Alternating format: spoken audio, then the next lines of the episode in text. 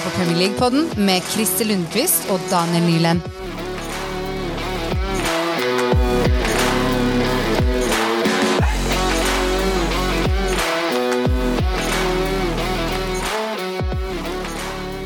Hei og velkommen til Premier League-podden, en podkast som oppsummerer ukas viktigste nyheter fra Premier League.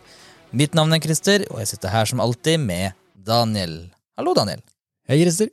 Da er vi klar for en ny uke og en ny episode, og dæven, det Noen ganger så er det sånne uker der det er litt mer roligere, og så virker det som egentlig alt bare samler seg opp til én uke til uh, en klump av nyheter og kamper og så mye som man skulle ha snakka om. Ja, det er det. Det er vanskelig å velge hva man skal ha med, og hva man må ta bort. Det er jo tross alt sånn at vi må ta det viktigste, men eh, vi kan ikke få med alt. Nei. Det er jo ligacupen nå mens vi spiller inn, blant annet. så Det blir litt lite prat om det, men vi kan jo nevne det største som har skjedd, kanskje, er vel at Everton røyk ut i går. Stemmer det? stemmer det. Der var det Bournemouth som vant hele 4-1 eh, mot, eh, mot Everton. Så der er Bournemouth videre. Utenom det så var det vel ingen store, store overraskelser i, i går. Men nå er det jo onsdag, så spilles jo resterende nesten, og torsdag er det emnekamp, vel òg. Vi kommer jo med en eh, type oppsummeringsepisode neste uke. Ja, der vi skal sånn så langt. ja, siden det, det er jo det, Nå er vi inn til siste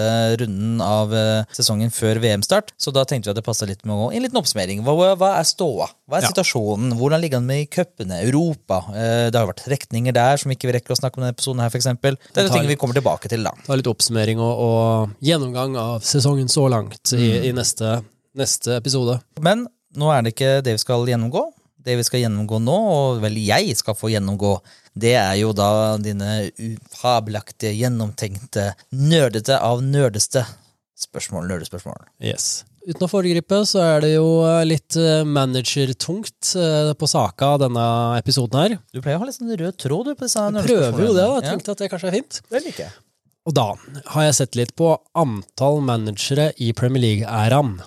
Totalt? Nei, ja, ikke totalt per klubb. Ja, okay. Mm. Så jeg tenkte om du kanskje kunne prøve å gjette deg på hvilke tre klubber som har flest, hatt flest forskjellige managere. Oi. Uh, I hele Premier League-æraen? Ja. Ok, okay nå, nå Dette var nerding på stor ende, ja.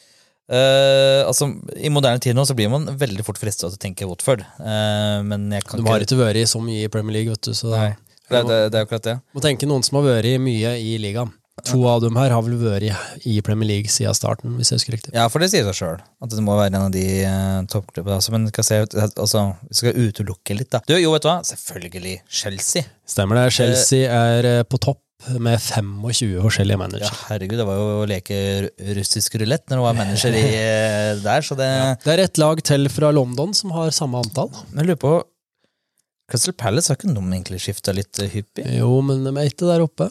Nei? De Uh, har vel òg vært nede i championship i løpet av eh, Ofte er jo det å ha det i bakhodet. Mm. Si, London, eh, klubb som har vært lenge Altså, Westham har vel vært noe hyppig, de også, men de har vel vært litt gjennom tur, de også, kanskje? Ja, nei, Westham er ikke en av dem, nei.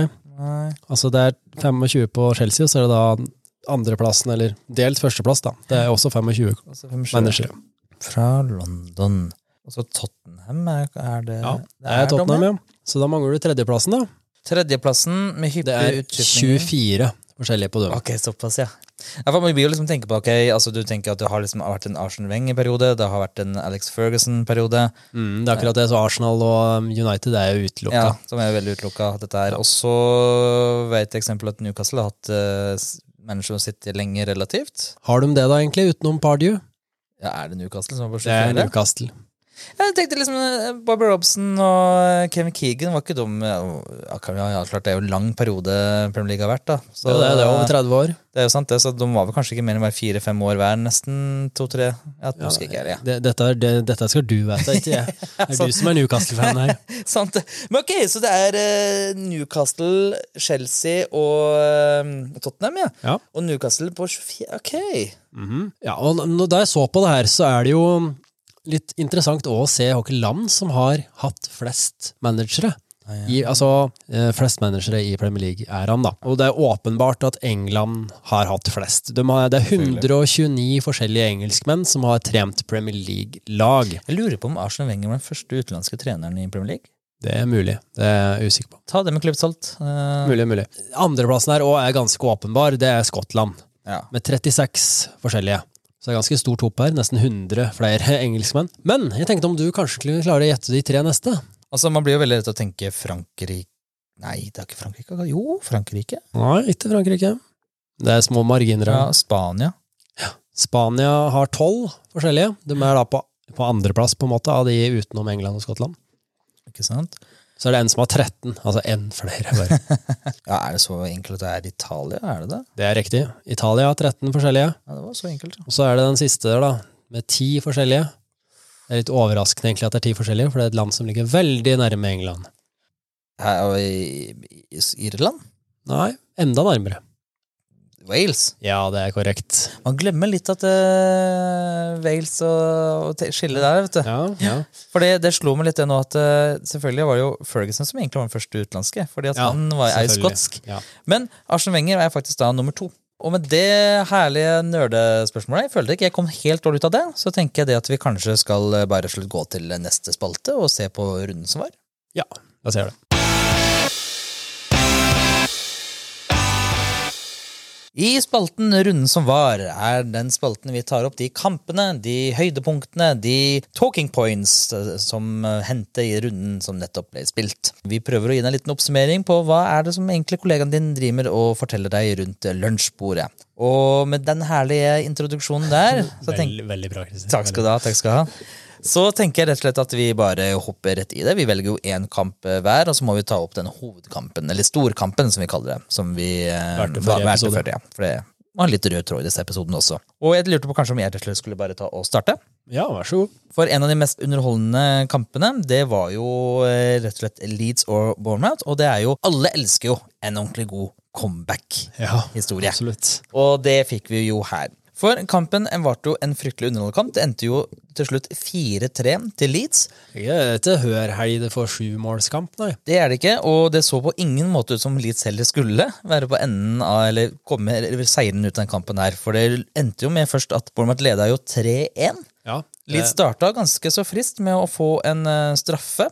Som eh, Rodrigo egentlig tok ganske så fint inn i mål. Det var egentlig de første fem minuttene så var straffen på plass. Mm. Ja, eh, før du går videre, det er jo, du nevnte at Bournemouth leda 3-1 her, og det er jo da andre kamp på rad at Bournemouth sløser bort i gåsøyer en tomålsledelse.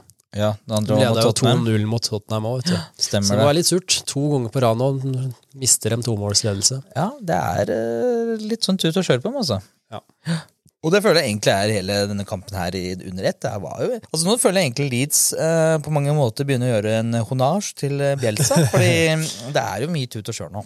Ja, for det, er vanskelig å spå utfallet når Leeds spiller, men eh, det man som regel er sikker på, er i hvert fall at det blir ja, høyoktan underholdende. Ja, liksom, litt sånn kaos og ja. Og Underholdende. Det kan vi kanskje snakke om litt etterpå. Men i hvert fall i første omgangen, så etter eh, Rodrigo sin straffemål, så kjørte plutselig Bournemouth på, og der ble det jo rett og slett eh, tre kjappe mål. Eller kjappe og kjappe, det kommer jo litt spredd, men da er det første målet da av Marcus Tavernier. Og så har du da Philip Billing, som kommer inn og tar en retur og mjæler den rett Ja, i mål. Billing har hatt et par fine mål ja. så langt denne sesongen. Altså, det er har fint en, mål. han har en hard fot altså, når Ja, han treffer. bra skuddfot. Absolutt. Yes, Og så har vi da eh, Liverpools tapte sønn eh, Dominic Solanke, som eh, tok og peisa inn den tredje målet. Og da så det jo egentlig ganske ut som at det her skulle Leeds eh, rett og slett eh, gå på en eh, stortap. Men du skal aldri tvile på Leeds, som du sier. det her er det jo, altså Om de ikke kan forsvare seg, så kan de i hvert fall angripe. Så de eh, kjørte på høygiret i andre gang, og Sam Greenwood var det som da åpna sjekkboken i eh, andre gang. Til slutt kommer Liam Cooper med en liten eh, headere på døde på corner. Og til slutt så kommer da unggutten som har eh, gjort seg bemerket i de siste rundene, Summerwill. Det er Ja, navn, egentlig. Ja, sant. Andre kamp på rad han avgjør eh, på slutten. Han avgjorde på slutten mot, eh, Les nei, mot eh, Liverpool òg. Mm, fantastisk evne til å være på riktig sted til riktig tid, virker det som. Ja, han ja, god, kan bli en god spiller. Det er jo litt mye tut og kjør med, i hvert fall med Leeds. Det Ja, er, eh, noen, er mye rock and roll-fotball, og det virker som han Jesse Mars spiller en litt mer aggressiv versjon enn den der Red Bull-fotballen. Spesielt så ser man gjerne det at bekkene er mye mer aktive framover uten at det egentlig er noe ordentlig forsvars... Eller dekning bak, da, som det skal være. Altså god dekning bak, når du har så aktive bekker. Som virker som egentlig det er der, de- egentlig blir straffa på, da, er at de etterlater mye rom. Så at når de først da prøver å vinne ballen altså Det er litt sånn den tanken at eh, ok, når de er eh, angriper høyt, eller har høyt press, skal prøve å vinne ballen oppe. Men de er det laget som også blir veldig fort dribla igjen. Så de har, altså, Hvis ikke de klarer å vinne den ballen på første forsøk, så har de så mye rom bak seg, og de blir løpt ned bakover. bakover. Så det er litt sånn jeg, jeg får veldig sånn Bjelsa-følelse, i hvert fall de par siste kampene. her, Så får jeg litt sånn Bjelsa-følelse av Leeds her, altså. Ja. Spørs hvor lenge det er bærekraftig da, å spille på den måten, eh, med tanke på slitasje og sånn òg. Det er ikke akkurat bærekraftig å spille på at du, og satse på at du skårer mer mål enn motstanderen. Nei, for det, motstanderen skårer jo som regel mot Leeds. eh, Det, det, det gjør de jo, så Men eh, det, det blir underholdning, det er uten tvil. Det, det er helt riktig. Men altså, det er jo det som er litt gøy, at de hadde jo 18 skudd på mål mot uh, 9 av Bournemouth. Altså, det, Ja. de, de kom jo til her sjanser, men nei, det er, det er Forsvaret skotter på. Den er uh, ikke Den linja er ikke eh, Hva si, den er ikke helt stram. Men det var i hvert fall eh, Leeds. Jeg kanskje påstå kanskje den mest underholdende kampen denne helga her. Vi kan jo gå da til eh, neste kamp, som eh, var underholdende, i hvert fall for en stor del av fansen. En viss og alle elsker, Når vi snakker om comeback, her snakker vi egentlig enda en comeback-historie. Eller hva, Daniel? Tenker du på Unai Emery? kanskje? Yes! Ja. Første kamp til Unai Emery, og det endte med en storseier mot United. Ja, det blei jo 3-1 da til, til Aston Villa. Det, ja, Villa har jo da vunnet 4-0 og tapt 4-0 etter at Gerrard eh, fikk sparken. og det så litt ut som Villa hadde fått en liksom vitamininnsprøytning da, til den kampen her. Virka veldig påskrudd, og ja, United fikk det ikke helt til å stemme, egentlig. Og jeg, før jeg skulle se den kampen her, hadde jeg litt sånn dårlig følelse, egentlig. Så jeg hadde jo for så vidt eh, rett ved det, og det, den dårlige følelsen kom jo delvis òg når jeg så oppstillinga til eh, Manchester United, da, der eh, Van de Beek og Ronaldo sto som to av de fire på topp, på en måte, de fire øverste på banen. Og så er det Garnaccio, da, som er eh, unggutt på den ene vingen, og, og så var det Rashford på andre, som ja, den er grei, men Garnaccio, van de Beek og Ronaldo der Skulle kanskje hatt, hatt noen som har litt mer, litt mer erfaring slash litt mer løpsstyrke der. Eksempel Fred. Ja, det tror jeg kunne funka bra der. Det er sjelden jeg hører du sier. Ja, at her skulle, her skulle du hatt Fred. Det, Ja, men jeg tror han kunne gjort en bedre jobb enn van de Beek gjorde den kampen her. Ja, når du snakker om van de Beek altså Nå begynner det her å bli den tredje manageren han har vært under nå, eh, siden han kom til Premier League. Solskjær Ja, hvis du tar med Ragnhild, Ja, ja. Ragnhild. Og, og så hva Men har heller ikke helt blomstra under Ten Hag ennå. eh, Nei, det, det, jeg tror nok han eh, er eh, Han blir nok aldri en United-spiller, tror jeg. Altså sånn på sikt så tror jeg han er eh, Han er nok ikke en United-spiller om et års tid, tror jeg. Det, det tviler jeg sterkt på.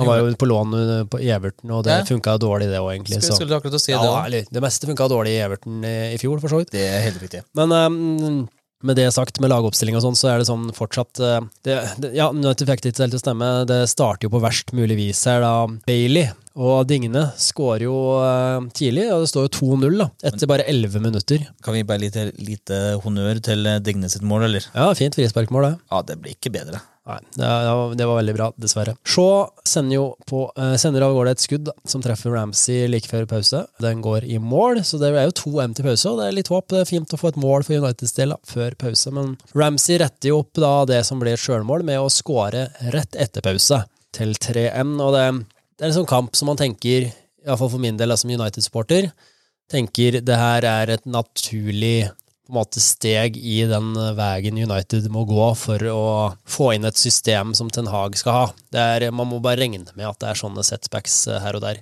For Villa sin del, da, må jo ta det òg. Jeg skal ikke bare være United-supporter her. og det er en fantastisk start for eh, Emery, selvfølgelig. Det er jo, han kunne vel ikke håpet på noe særlig bedre enn det her. og Spillere så gira, løpsvillig og engasjert ut eh, i, i spillet, og så ut som hadde sånn kjempestore problemer heller egentlig i å forsvare seg mot United. Så det er eh, to sider av den saken her. Det, Ja, altså Emery er nå den fjerde manageren som har eh, vunnet mot United i sin debutkamp, ja, faktisk. akkurat. Skal slippe å få ned quizen her, for det hadde vært litt for vanskelig hvem de tre andre er, da, men jeg kan si at Mourinho med Chelsea var en av dem. Ja, det er riktig. Mm, Og jeg har også annen fun fact her, som jeg har uh, googla meg litt fram til. At Jacob Ramsey, som du var inne på, han er da den fjerde spilleren i Premier League-historien som har da skåret mål, en assist og en selvmål i en og samme kamp. Ja, akkurat. Yes. Det var eh, Aston Villa Manchester United. Det er en, en god start på karrieren som Aston Villa-manager for Unai Emery. Og det er jo bra at uh, vi hadde to artige kamper å ta opp, for uh, den storkampen som vi valgte mellom uh, Chelsea og Arsenal, den ble ikke akkurat en rysere av en uh, kamp, men det, jeg føler allikevel at det her ble en viktig kamp. Og så Ja, ja. i, jeg har nå i de siste par episodene nå um, så ja, nevnt eller stilt spørsmål der. Kan vi si at Arsenal er en tittelkandidat? Kan vi gjøre det? Jeg tror faktisk jeg er så våg å si at vet du Arsenal eh, herved døper jeg om til en tittelkandidat denne sesongen. her. For de vant nå 1-0 over Chelsea på bortebane. Uavhengig selv om det er en ny manager Chelsea. Eller, og, altså, det, er jo, det er jo bra. Det er jo sterkt. Og det er jo eh, en når du, Det er jo de topp fire-lagene man først må slå, skal man klare å komme seg ja. på toppen der. Absolutt. Og det, ja, det, er, det er ikke bare at det er ikke enkelt å komme til Stamford Bridge uansett og, plukke poeng, selv om Chelsea har vært i litt i dårlig form. Så. Men eh, det er jo eh, noen ting man burde prate om her. Det er jo Bamiang, Ja. som møter eh, Arsenal eh, for første gang igjen, etter at han gikk derifra. Og han ble da kåret til eh, kampens dårligste. Han fikk vel gult kort, blant annet. Det var kanskje det. det største han gjorde. Og så er det, ja, nei, Arsenal er jo laget her som hadde de største nesten-sjansene, om man kan kalle det det. Eh, Han hadde vel litt overtak i banespillet. Jeg syns Arsenal virker som eh, den mest dominerende av dem, egentlig. Ja. Så det at det ikke ble mer mål, ble jeg litt overraska over, for jeg syns ikke Chelsea hadde så mye å by på. Ja. Nei. Eh, Målet som eh, skåres her, da, det er jo Gabriel som skårer etter eh, 63 minutter. Men, men vent, hvem Gabriel? Ja, forsvarsspiller. Ah, Gabriel. Magalhaes. Ja, eh, riktig, Christer. riktig. Nei, det, det er jo um, det er en corner som blir skutt fra, fra Saka, og den corneren hadde fort gått inn, om ikke Gabriel hadde vært borti den, eh, faktisk. Men um, ja, der setter han den fra ca. fem centimeter, tenker jeg. Det er jo eh, måte, I den kampen her følte jeg at det var litt tydelig at Chelsea sleit litt i det oppbyggende spillet. Det føler jeg også burde nevnes. De syns de mister ballen i en del farlige situasjoner i det oppbyggende spillet, da, på vei framover i bana.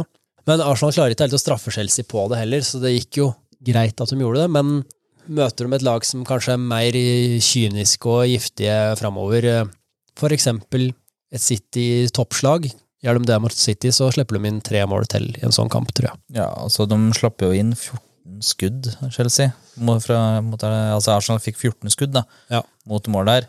Det er eh, mot det dommes fem.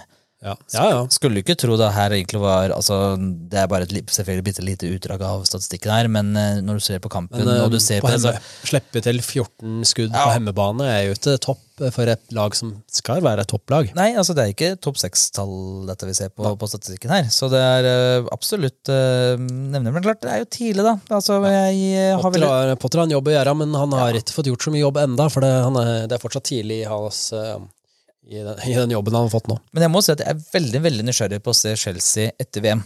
Ja. Det merker jeg er en av tingene jeg gleder meg mest til å ikke gleder mest til å ta i, men iallfall noe jeg gleder meg til å se. da. Mm. Hva den jobben Potter klarer å gjøre med de gutta boys der løpet av november-desember. Absolutt. absolutt. Men eh, det er jo vel og bra, det. Og som alltid, det er jo så mye vi skulle ha snakket om. Det er så mye vi aldri rekker å snakke om. Så enda en gang så må vi gå inn i vårt lille TV2-studio, som vi kaller TV2-studio, Christer. Nei, nei, nei. TV3-studio, da. Ja, der. TV3-nyhetene. Det var tidligere. TV3-nyhetene, som vi kaller for Vi rekker det ikke, men vi bare må nevne det. I Newcastle sin 4-1-seier over Southampton skårte Almiron sin syvende strake mål. Gutten klarer ikke å stoppe. Og vi må også nevne at Adam Lallana fikk sitt første Premier League-mål på over ett og et halvt mål i Brightons 3-2-seier over Wolverhampton. Breaking news er Salah tilbake. Det er ikke lett å si, men han skårte i hvert fall to nydelige mål i Liverpool sin 2-1-seier over Tottenham. Haaland var redningsmann med straffemål på overtid etter en tidlig dusj for Cancelo, da City med nød og neppe slo Fulham 2-1. Og til slutt så må vi nevne Tillmann sitt mål. Fysøren den gutten han skårer mye mål om disse dager, og fine er de. Det var det. Vi rakk det ikke, men vi måtte nevne det. Så nå til ukas viktigste saker.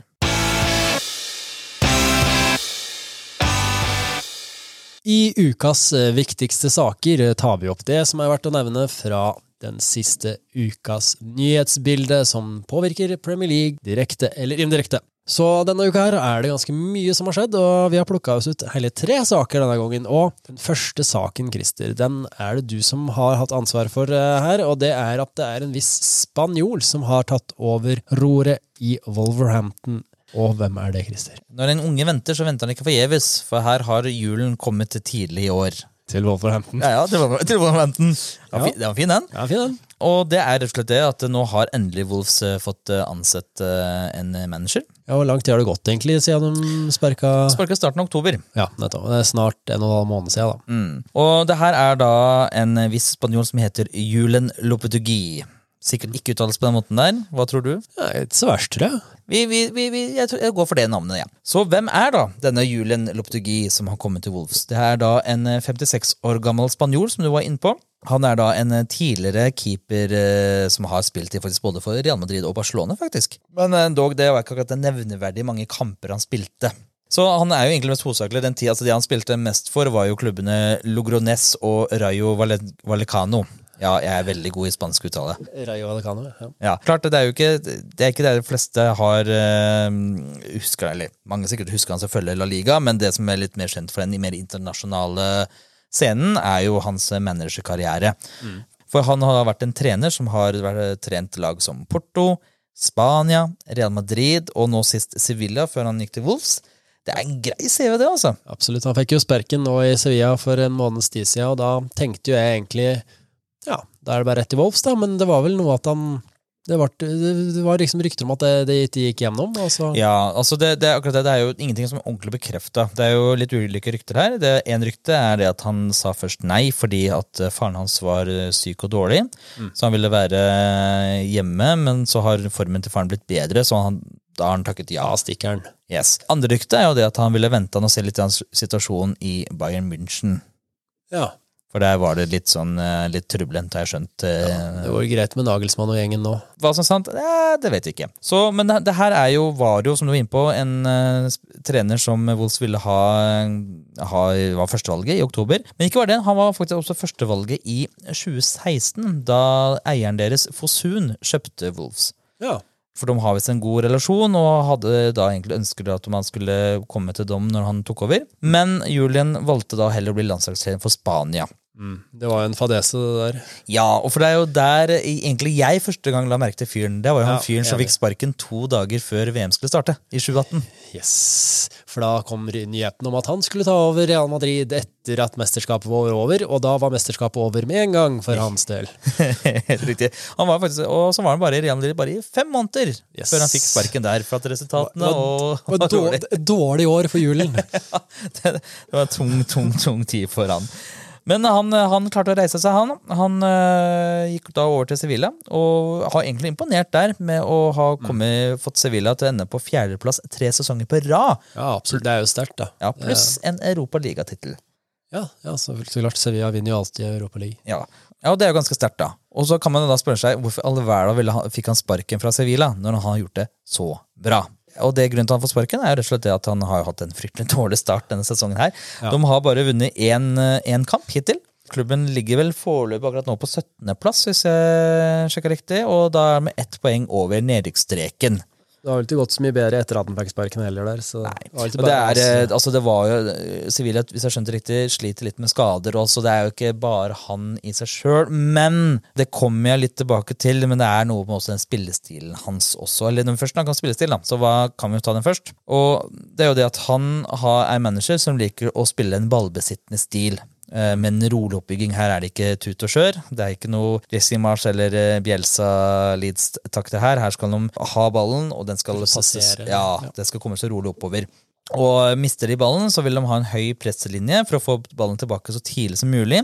Men her er jo en av de grunnene til at eh, han har fikk sparken i Real Madrid, og han også har slitt litt med Sevilla få støtten der. For man ser det at lagene hans har en stor svakheter med å rett og slett å skåre mål.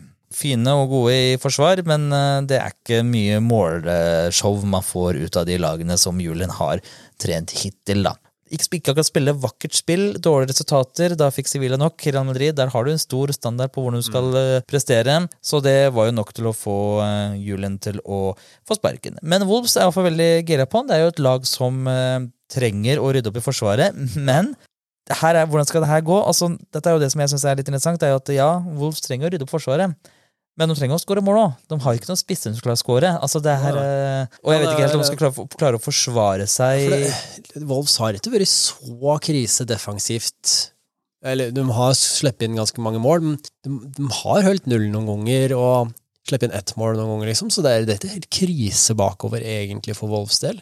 Men det som tydeligvis trengs i Wolves, er jo kanskje å få inn litt disiplin. For det, Ja. eh, nå røyk de jo på enda et rødt kort da, i kampen mot Brighton i helga, der Semedo fikk rødt kort. Og kampen før det Så du forresten den, eh, eh, den røde kortet, eller? Ja, ja, ja. Altså, bare det Han henger jo bare bak en som ja, altså. Jeg der. ser jo det at han prøver, altså, som at han snubler og faller over Det- det- spilleren, men det det er jo både takling Det ser ut som han, når han først kommer bort inn, så bare gir han opp og bare drar han ned. Skikkelig.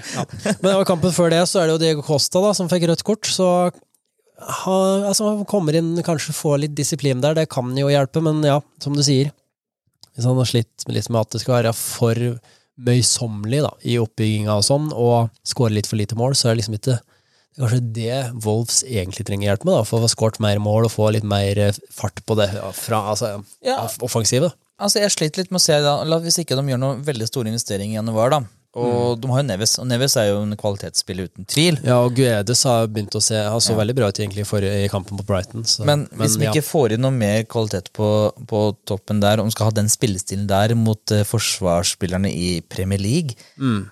det, du, har ikke, du har ikke så god- så god tid. Og jeg vet at det er en, en, en La Liga-ekspert som mener det at Sevilla er det, den klubben i La Liga som spiller mest tilnærmet Premier League-spill.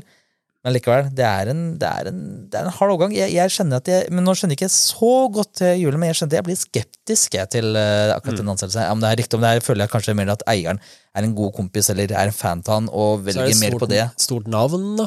Ja. Han har trent mange store klubber, og altså Også spansk, da. Det gjelder på litt av portugis, spansk, litt sånn kultur, da. Ja, kanskje, kanskje. Men ja, nei, det, vi får bare se åssen det går til slutt. Men eh, det er litt sånn 50-50, tenker jeg. Yes, Men du, en, en, en trener inn, en trener ut. Hvem er det som har ryket nå, da? Det skal jeg fortelle deg, Christer. Det er eh, selveste Ralf Hasenhüttel. Der røyk den endelig Altså ikke endelig, jeg- det er ikke sånn at jeg misliker gutten, men det var et tidsspørsmål som jeg følte har vært eh, hengende lenge.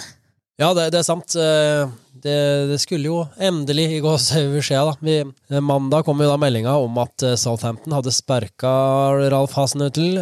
Det er jo dagen etter at de gikk på et eh, 4M-tap hjemme mot Newcastle. Ryktene skal egentlig til at han faktisk fikk beskjeden i løpet av kampen, faktisk. Høres usannsynlig ut. Men jeg sa rykte. Ja, ja det høres usannsynlig ut. ja, vi meldte jo eh, at eh, Gerard, Hasenhüttel eller Rogers eh, kom til å ryke før VM.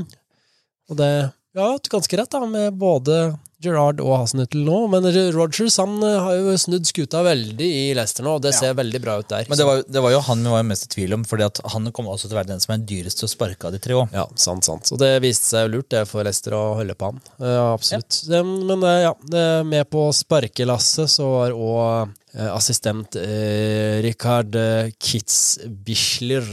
Southampton meldte jo òg det, da, at eh, førstelagstrener eh, Ruben Sells kom til å være ansvarlig for laget under onsdagens ligacupkamp. De meldte også faktisk da at eh, klubben ville annonsere en permanent replacement in due course, som de skrev. For å ta litt av den tida Ralf har vært i ved roret i Southampton, da, så kan vi først, først og fremst nevne helt, altså, helt i begynnelsen. Og det var da at han ble ansatt i desember 2018, så han har jo faktisk nå sittet nesten fire år eh, som eh, manager i Southampton. Det er ganske bra i disse tider, det, altså. Ja, det, det er ikke så verst. Og før den jobben så var han jo i Leipzig, der han tok en imponerende andreplass, blant annet. Da han tok over Southampton, så lå de likt på tabellen som det de ligger nå, på 18. plass. Og den første sesongen hans i Southampton endte de på 16. plass, så det var ikke en fantastisk utvikling der. Men i sin første hele sesong da, i, i Southampton så endte Southampton faktisk på en sterk 11.-plass. Og det var i da 2019-2020-sesongen. De hadde en veldig dårlig start på den sesongen, der de annet tapte 9-0 hjemme for Leicester. Men endte da på en, på en bra 11.-plass, rett og slett. Og etter den sesongen så skrev han en, en eh, kontraktsforlengelse, eller en sånn langtidskontrakt, til 2024. Sesongen etter den starta nesten like bra som den forrige avslutta. Men eh, til slutt endte faktisk med 15.-plass. Og i den sesongen så var det nok et 9-0-tap eh, på Old Trafford den gangen. Og så er det da denne sesongen, da, så det, har, eh, har Southampton spilt 14 kamper, og de har tre seire, tre uavgjort og åtte tap. Og på de siste åtte kampene var det vel, så har de vel vunnet bare én kamp. Så det, det, er en, eh, det er en dårlig trend og dårlig steam Southampton er inne i nå, rett og slett. Så det, det er vel eh, i hovedsak det som er årsaken til at eh, Hasselnutel nå fikk sparken. Eh, Southampton er nå allerede litt tilbakehevja, lukter på nedrykksplass. De er jo tross alt på nedrykksplass akkurat nå, med, på 18. 12 poeng på 14 kamper. Lukter litt svidd av det. De har henta mange unge og spennende spillere nå i sommer, men det er kanskje litt for mange unge, litt for mange Ja. uerfarne. Det er vel litt Ja. det derre modellen til Samson er jo, jobber jo gjerne fort imot uh, manageren. da. Altså Ja. Det med å selge spillere som uh, begynner å få fotfeste i Premier League, eller begynner å vise takter på at det blir en stjerne, selges, og så erstattes da med spillere som uh, ikke har nærheten av ja. pondusen. Mm. Det er en ubalanse. Altså, ja, det er en modell som fungerer for mange klubber. Se på, altså, Leipzig lever jo av det, for eksempel. Men det er det med balanse og beholde noen som faktisk klarer å altså beholde erfaring og holde litt pondus der. Og det er Ward Prowse aleine klarer ikke ja, å bære liksom et lag. Ward Prowse, da skjer Adams Elenussi nå har jo vært der i noen år. Men ja, det er, det er for få Ja, det er vel for få særlig, Kanskje særlig bakover defensivt. Det er Ja, for få sånne tradisjonsbærere. For jeg skulle si det, Nevn én forsvarsspiller nå i standardrekka som faktisk kan kalles ha ordentlig Premier League-erfaring. Nei, si det. Benarek jo, ble jo solgt i sommer. Mm. Ja, nei, keeper, der er det jo Basuzu ba, Hva heter han igjen? Ba- Basun- Basunu? Basuzu? Ja. Han irske, irske treneren. Ja, ja, keeperen. Ja, ikke sant. Så McCarthy er jo ute. Det er, det, er, ja, det er mange unge, særlig defensivt, og da, da kan det fort bli for mange nye og unge spillere til at Ja, spesielt i forsvar føler jeg det er mye mer sårbart å ha for, eh, for mange unge, uerfarne Ja, bare kontra det å ha dem angrep. da. Ja, eller bare at det er for mange nye på en gang, rett Mm. og slett. Men eh, det til side, Southampton fikk jo nye eiere i januar òg. Det skal òg nevnes her, det serbiske medie, medieselskap. Mongule. Mongule ja. Eh, Så det var liksom begrensa hvor lenge de klarte å se på disse resultatene her. Og ja, å få inn en ny manager nå, litt ny giv i laget kanskje, eh, kan det være en del i liksom at de skal bygge opp eh, klubben og kunne spytte i mer penger nå kanskje i januar òg. Ja, ja, Ja. men de gjorde ikke det i januar i fjor. De gjorde heller ikke akkurat det nå i sommer. de, brukte, de kjøpte veldig mange spillere i sommer, da. Ja, men ikke noe av som har en pondus og betydning. Sånn Nei, det er sant, det er De har kjørt mange unge, spennende talenter. Ja. Gjerne da ta City Akademi og Chelsea Akademiet. Eh, Særlig City-akademiet, der de henta og han tidligere U21-treneren, vel, til. City. Men uh, ikke noe nevneverdig for noen som kan hjelpe til her og nå, som er klare nå. Ja, det er sant, det er sant. Det til side, da, så er det jo hva nå? Southampton.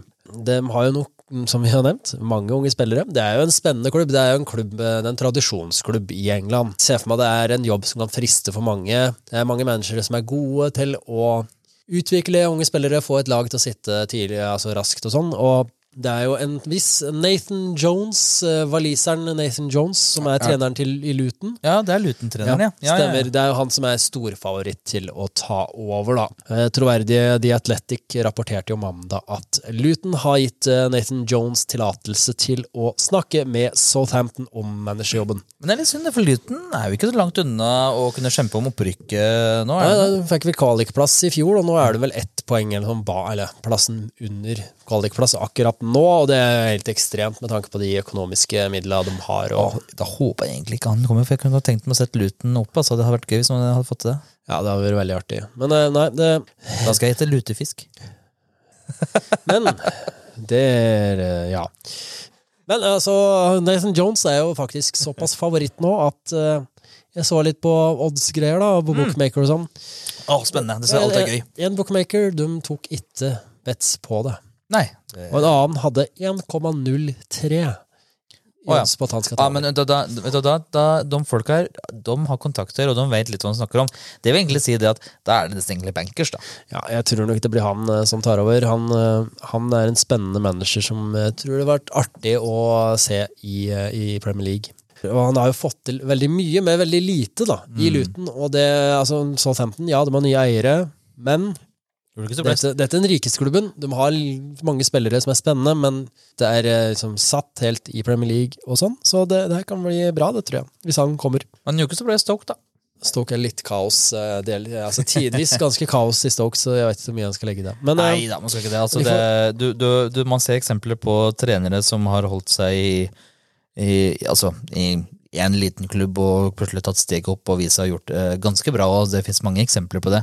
Ja. Så det jeg, jeg tenker bare er spennende. Men som sagt, jeg hadde jeg må si at jeg håper, håper Det hadde vært gøy å sette Luton opp, så jeg håper jo egentlig ikke det, da. Det må jeg si. Jeg tror, eh, tror det er litt det ønsketenkning at de faktisk klarer det.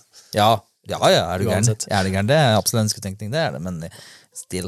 Men er, er det noen andre favoritter på denne lista, eller? Nei, det- så Nei, egentlig Altså, utenom, altså det er andre på lista, men det, det er egentlig ikke noe å prate om, for han er så stor far. Altså, Kjetil Knutsen er på lista. Selvfølgelig. Ja, han, Men er på, han er på alle lister. Han. For Men jeg så, jeg så blant annet at Sean Dice var på Ja, han og. Og den tenker jeg at hvis ikke skulle bli han Luton-fyren, da. Ja. Så tenker jeg Sean Dyche, i hvert fall nå på en sånn korttidssikt, sikt og tenker å bare redde sesongen og litt sånne ting, er ikke det dummeste jeg har sett. Ikke sexfotball, Det litt, men det er litt lite kjøtt og flesk i, i Southampton-laget, da, egentlig. Ja, men det er litt andre forutsetninger. Det er litt spennende. Mm. Jeg, syns det var spennende å sette Sean Dyche i Southampton og sett hvordan han hadde håndtert de spillerne der. Er det bare kjøtt og flesk han kan håndtere, eller kan han håndtere en indrefilet som eh, James Ward-Prose? Ja? Ja, ja, det hadde vært spennende, men jeg tror ikke det hadde gått bra.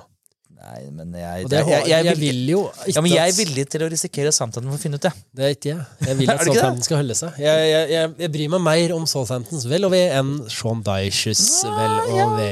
Vet du, hva, jeg, er helt uenig der. Jeg kan godt uh, la Sandra rykke ned bare for å teste Sean Dyche der. Da er vi uenige. Men uh, vi får prate mer om Nathan Jones om uh, slash når eh, det blir bekrefta at han tar over der. Uh, så vi, Og det blir det antagelig etter den podkasten kommer ut. Det, det kan hende det har skjedd akkurat nå mens vi prater. Det er umulig. Nei. Men vi har en sak til, og neste sak på vår lille bitte spalte, det var jo en liten, sånn, en liten sjokkbølge gjennom fotballverden, Premier League, da. Eller kanskje, det jeg tror jeg egentlig er mer media som liker å høste det mer opp enn Ja, det hva det er. Det er jo ikke, det er ikke noen som skal selge klubben sin, egentlig. Nei. Eller Eller? Vi får se. For nå kom det fram av, igjen som du sa, det troverdig Athletic, veldig stor fan av de gutta der, så er eh, Liverpool nå for salg. Ja. Og den var det nok ikke mange som tenkte, eller? Nei, men uh, om det er til salgs, eller om de ser på muligheten for at folk skal kunne kjøpe aksjer der, det er to forskjellige Ja, ting. Eller for det- kjøpe deler av klubben. Ja, for det, det er jo det som det er diskusjoner. Altså, nå er det jo altså Fenway Sports Group, altså som er da det navnet på den amerikanske sportsinvesteringsselskapet som eier uh, brorparten av aksjene til Liverpool, har nå i hvert fall sagt ut at de er uh, åpne for å høre Eller sondere terrenget for hvor mye de egentlig kan få for klubben. For har jo bekreftet at de, at de fortsatt er eh, commitment, eller altså de er fortsatt eh, forberedt på å legge planer for fremtiden og er liksom for å drifte Liverpool. da. Men eh, som du var inne på, det er jo ikke, de har jo sett litt på hvordan de skal kunne få til den konkurransen i Liverpool her nå, med å få inn mer penger. De har solgt eh, unna deler av aksjer til andre, andre selskap, blant annet i 2021 sist gang så ble det solgt til to amerikanske selskaper som jeg glemte å notere med nå. 11% jeg tror de solgte unna for å Ja, altså nå, nå Spytte inn kapital. ja, jeg tror, hvis det er det, altså Nå er ikke jeg økonomisk, jeg kan ikke si hvorfor det er lønnsomt, nei, men de sier i hvert fall at de er i villige til å se på folk kan, eh, andre selskaper kan investere inn eller selge hvis det er, de ser på det som bra for klubben. Men i, da vil jeg si, da på papir i hvert fall, så er jo klubben for salg. Og det er jo litt ulike grunner til det. Eh, man kan jo diskutere litt sånn eh, hvorfor eh, ene eller det andre. Altså det her har jo vært eiere som har styrt Liverpool ganske så nøktern. Det har ikke vært sånn altfor overspent og veldig Vært saklig i forbruket sitt her. Smarte, iallfall de siste fem-seks sesonger. Smarte i investeringene sine på spillere og sånn. For de, de tok jo over i oktober 2010. Liverpool var jo da litt sånn Var ikke akkurat i ruiner, men de begynte å kanskje potensielt bli hekta litt av, da. Ja. i, i forhold til de andre som kjempa om Champions League-plasser. Det var vel den klubben som eh, var vel den som hang etter i forhold til topp topp fire, topp fem. Så var det liksom noen som begynte å skli akterut, da. Ja, litt, eh, litt det. Og det, ja, det gikk jo ikke helt knirkefritt de første åra de eide der heller, men de hadde Hodgson og Daglish og Rogers. Og ja, de første fem sesongene endte med sjette, åttende, sjuende, andreplass, og så sjetteplass att. Men så fikk de jo Klopp inn, da. Mm. Det skulle jo vise seg lurt, selv om det første sesongen endte med åttendeplass. Eh, Men etter det så har det vært to fjerdeplasser, én tredjeplass, to andreplasser og en ligatittel. Man kan jo med trygghet si da at Liverpool har stabilisert seg på topp fire under eh, FSG. Absolutt. Så det er klart det er jo, altså det er jo den jobben gjort, det er jo all, all honnør. Men jeg tenker jo litt at man heller ikke skal glemme litt heller det at de er jo businessfolk. Ja, ja. Og eh, tross det at de har gjort bra med å stabilisere og etablere Liverpool som en av verdens beste lag, det kan man absolutt si, ja absolutt. så har jo også det kommet for en liten skyggeside her som innebærer blant annet eh, The Big Picture-prosjektet under korona, der de prøvde å være med på å prøve å etablere seg enda mer makt. Ja. Eh, De ville vel slett ikke at de Kjøpe, kjøpe ut de mindre laga Ja. for å kunne ha enerett i stemming og sånn. Og så var det i forhold til Super League, som de også ville være med på. Så det er jo selvfølgelig litt, litt sånn diskusjon rundt dette her, at grunnen til at de vil selge, er jo som businessfolk og forhold til investeringer, hvor mer kan de faktisk eh, Skvise sitronen. ja, skvise, eller Hvor mye kan de faktisk få øke verdien i Ja. Liverpool uten at de må få inn masse mye penger med tanke på eh, Newcastle nå ser som kommer til å eh, yppe seg opp der. Arsenal har jo virkelig begynt å etablere seg eller det skal jeg få takte på, at du begynner å etablere på toppen her. Det var liksom, eh, Konkurransen blir tøffere og tøffere. De fikk ikke etablert Superleague i forhold til det med inntekter. Så ser du samtidig da, at Chelsea, som er på tvangssalg Hvor mange Jeg husker ikke hvor mye det ble solgt for. 2,5 milliard eh, pund eller noe. Yes. Og da blir det er sånn tenker ok, vi kjøpte da klubben for hva da, 300 000 milliard pund 300 millioner, var det det? Ja, 300 millioner pund, tror jeg, et eller annet. Ja. Og så ser du da Chelsea på tvangssalg, som ikke har vunnet Champions League og Premier League på i hvert fall de to tre siste årene. Hva var det siste vant om nå? Det var eh, Tre år siden. Ja. To år siden. vant Chelsea for to år siden. Ja. Tichel kom inn, og så vant de. Stemmer det. Tichel vant, ja. Men poenget er at så kan du tenke at da Liverpool som ikke må selge, hvor mye penger er det de kan få for det da? For den der eh, investeringen deres, den er jo faktisk da fryktelig god. Det er Tidobla den, fort. Så det er jo litt sånn spekulasjoner rundt det at man må huske på at disse eierne de er jo innfortjente penger. Det er jo ikke for at de eier klubben for at de elsker Liverpool, eller åh, det er fans. Altså, det er jo noe med det, da. Mm. Det er akkurat det. Altså, det skal, altså, FSG de sonderer jo egentlig terrenget, som vi nevnte. Det er jo egentlig bare det de gjør foreløpig. De har ikke sagt at klubben er til salgs, men de har instruert sine bankforbindelser å sjekke hva potensielle kjøpere er villige til å betale, Mm. som det heter. På den måten da, så kan de velge å selge prosentandeler til en gitt pris, eller kanskje så klart da selge hele klubben om de får et fristende nok tilbud. De, ja, som nevnt, de har, klubbens verdi har jo økt veldig under deres eierskap. De er jo uten tvil i ekstremt mye mer bedre stand nå enn det var for sånn 10-12 år siden, da de tok over. Og nå, da, eh, så om det faktisk blir at det blir et salg, hvem er det som er de potensielle kjøpere, og hvem er det som har råd liksom, til, Ja. til det her? Tre, fi, mellom 3 og 4 milliarder pund kan det fort bli. Så jeg prøvde å finne ut litt av hva ryktene, ryktebørsen sier, da. I forhold til hvem er det som faktisk kan ha råd til det. Har egentlig ikke kommet noe spesielt navn ennå fram, bare litt sånne der, eh, tanker og teorier. Eh, Det som kan si, er i hvert fall at eh, Kina er utelukka. Fordi at de har nå bremset all type investeringer i sportsavdelingen i utlandet. Det, Ja, det har jo er, sett eh, visse eksempler på at det har gått dårlig. Det er folk som har hatt, hatt i gåsehud veldig mye penger, og så viser det seg at det, de hadde ikke så mye penger allikevel. Absolutt. Så, nei, Kina er, eh, blir uaktuelt der. Eh, Det er lite som tilsier at det skal komme noe fra Midtøsten, og hvis det skulle være i så fall en sånn oljestat, så er det i så fall Bahar, Bahrain som har, har på en måte vært, en, vært en interessert part i Liverpool tidligere, tydeligvis. da. Men det er lite som tilsier det. Eh, noen snakker om at det kanskje er på tide at det er India det skal komme noen derfra. Det er jo en del eh, de folk, det er jo det typisk land der du har de som er jævla rike, og noen som er jævla fattige. Så det er jo et land som har noen kunne klart, klart å samle inn noen penger her, tenker jeg. Men ellers så er det jo det at det er selvfølgelig amerikanere det er som er på en måte storfavoritt. Det skal komme en konsern derfra. Eh, Det har jo allerede blitt solgt deler der. Det er amerikanske bank som har fått ansvar til å fasilitere dette um, sonderinga. Det er mye som tyder på at dette her er en, blitt en klubb av amerikanere for amerikanere til amerikanere-situasjon. Så at det er eh, hvis, skulle, hvis det skulle bli salg, og det tipper jeg kommer til å bli Hvis det skulle bli, så blir det offer ikke noe i år, og kanskje ikke hele gang neste år engang, til og med, for det er sånne prosesser tar jævlig lang tid som regel. Ja. Uh, og da vil jeg tippe på at det er en amerikansk konsern som kommer til å ta over, ser jeg for meg. Ja, The Times melder jo at det er, eh, det er liksom fire budgivere som la inn bud på, på Chelsea da de skulle selges i vår. De var jo med linker til, til USA, og altså kilder nær dette salget av Chelsea antar da at det, også vil være sterke interesser i USA for kjøp av Liverpool, om det skulle være en mulighet som, eh, som byr seg. Ja, så det er det, det er det jeg spår. Men vi får se om det blir noe salg. Det er ingenting sikkert, men det er i hvert fall en av de store nyhetene som sjokkerte Premier League. Og når det er sagt, for at man skal skape verdi, for man skal øke verdien på en klubb, så må man spille kamper, og man gjerne spille bra. Og måten å gjøre det på, er å gå på spalten Runden som kommer.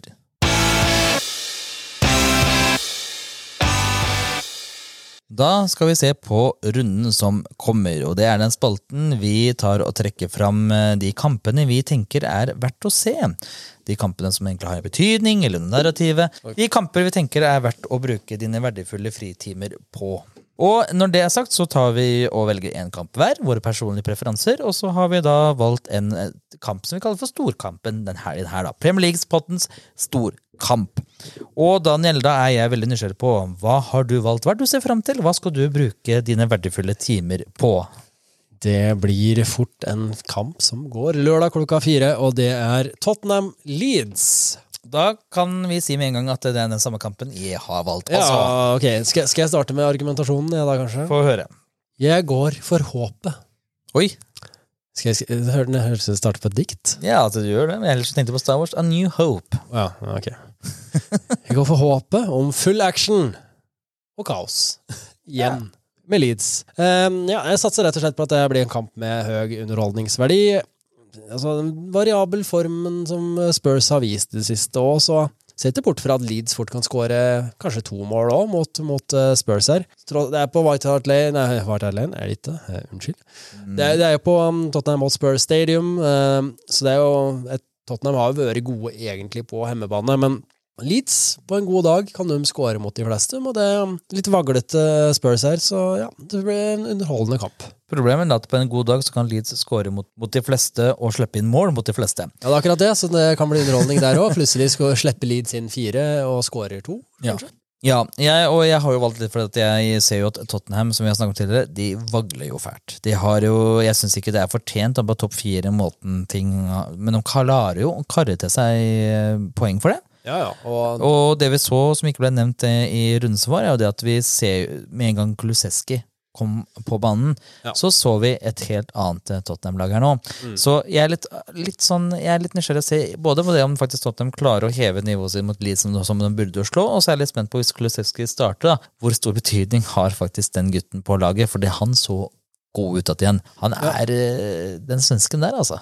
Det viser seg jo at jeg syns Tottenham, sånn som de har spilt en del i det siste med Når de har spilt i en slags 3-5-2, er det det de har spilt, vel?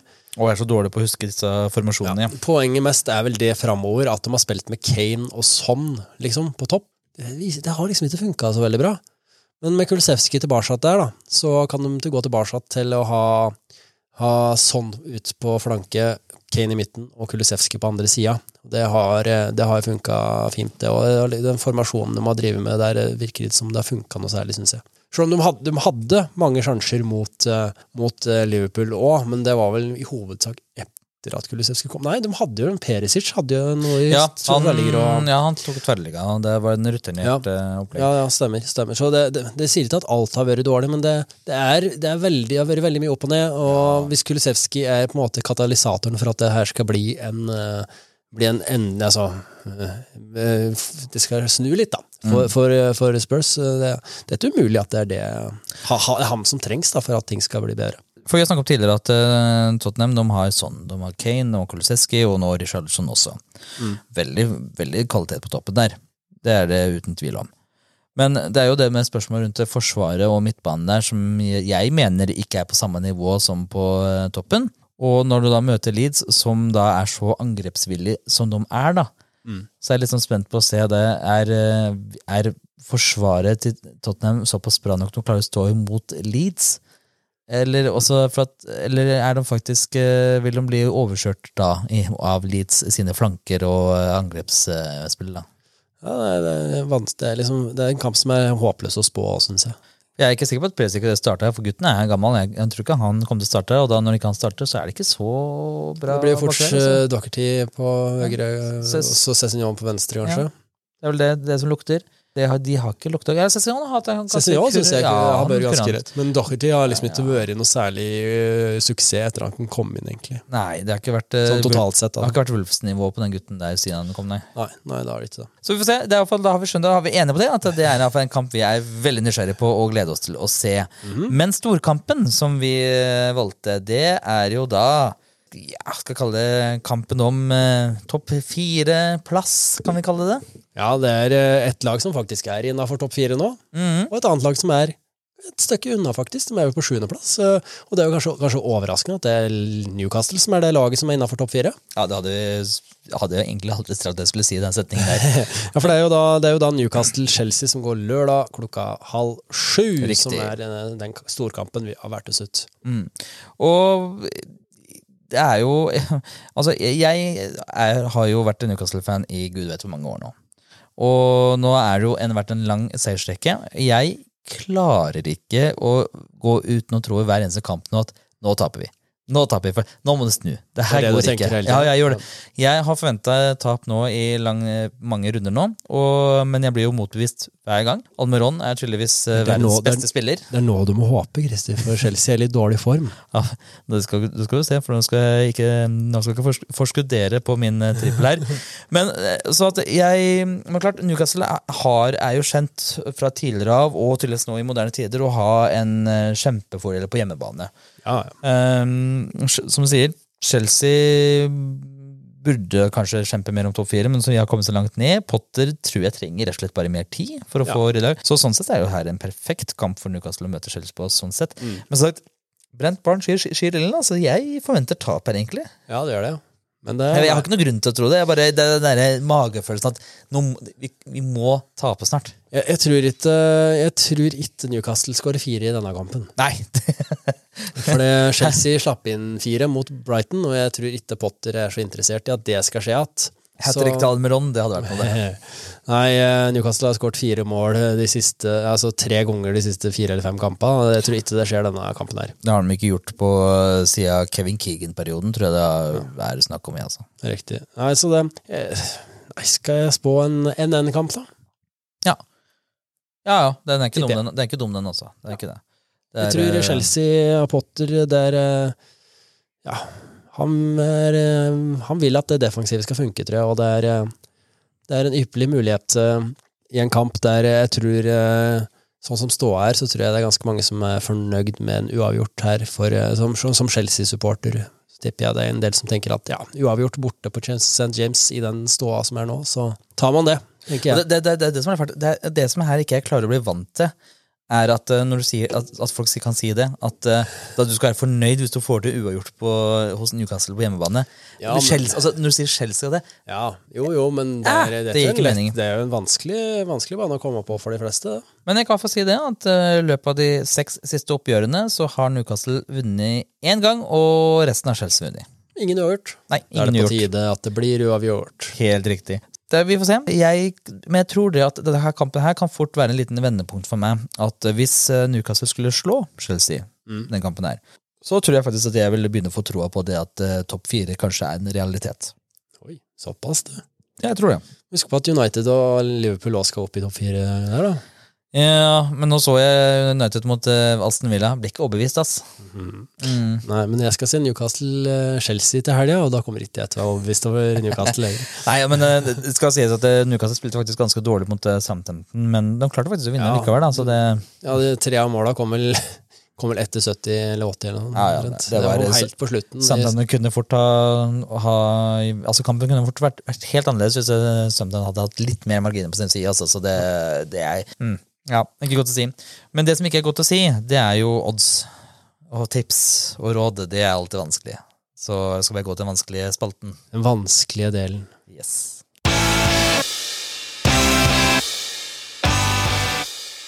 I ukens trippel og langskudd, vi har ennå ikke funnet på et bedre navn på dette spalten her, er den spalten som vi kommer med våre filosofiske, sexy, artige råd for hva man skal bruke. Så man skal bruke sin Som man kan bruke kan, kan spille på for å skape en litt mer krydder i fotballhverdagen. Viktigste for oss er bare at ikke du spiller for mer enn du har råd til å tape. Og det, og det is I som skal ha trippelen denne uken her.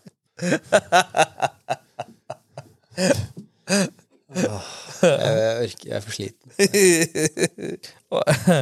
Eh, Skal vi se. Og ukens trippel som jeg har valgt ut Nå har jeg valgt en rysere av en trippel. Altså jeg har tatt en litt høy odds her. Oi, oi, oi. Eh, og jeg har eh, egentlig mye Det er litt tråd med hva vi har snakka om denne episoden. her faktisk mm. Så vi kan egentlig snakke, starte med første kampen, som er eh, Wolves-Arsenal. Ja. Ja. Det blir vel Arsenal-seier, det.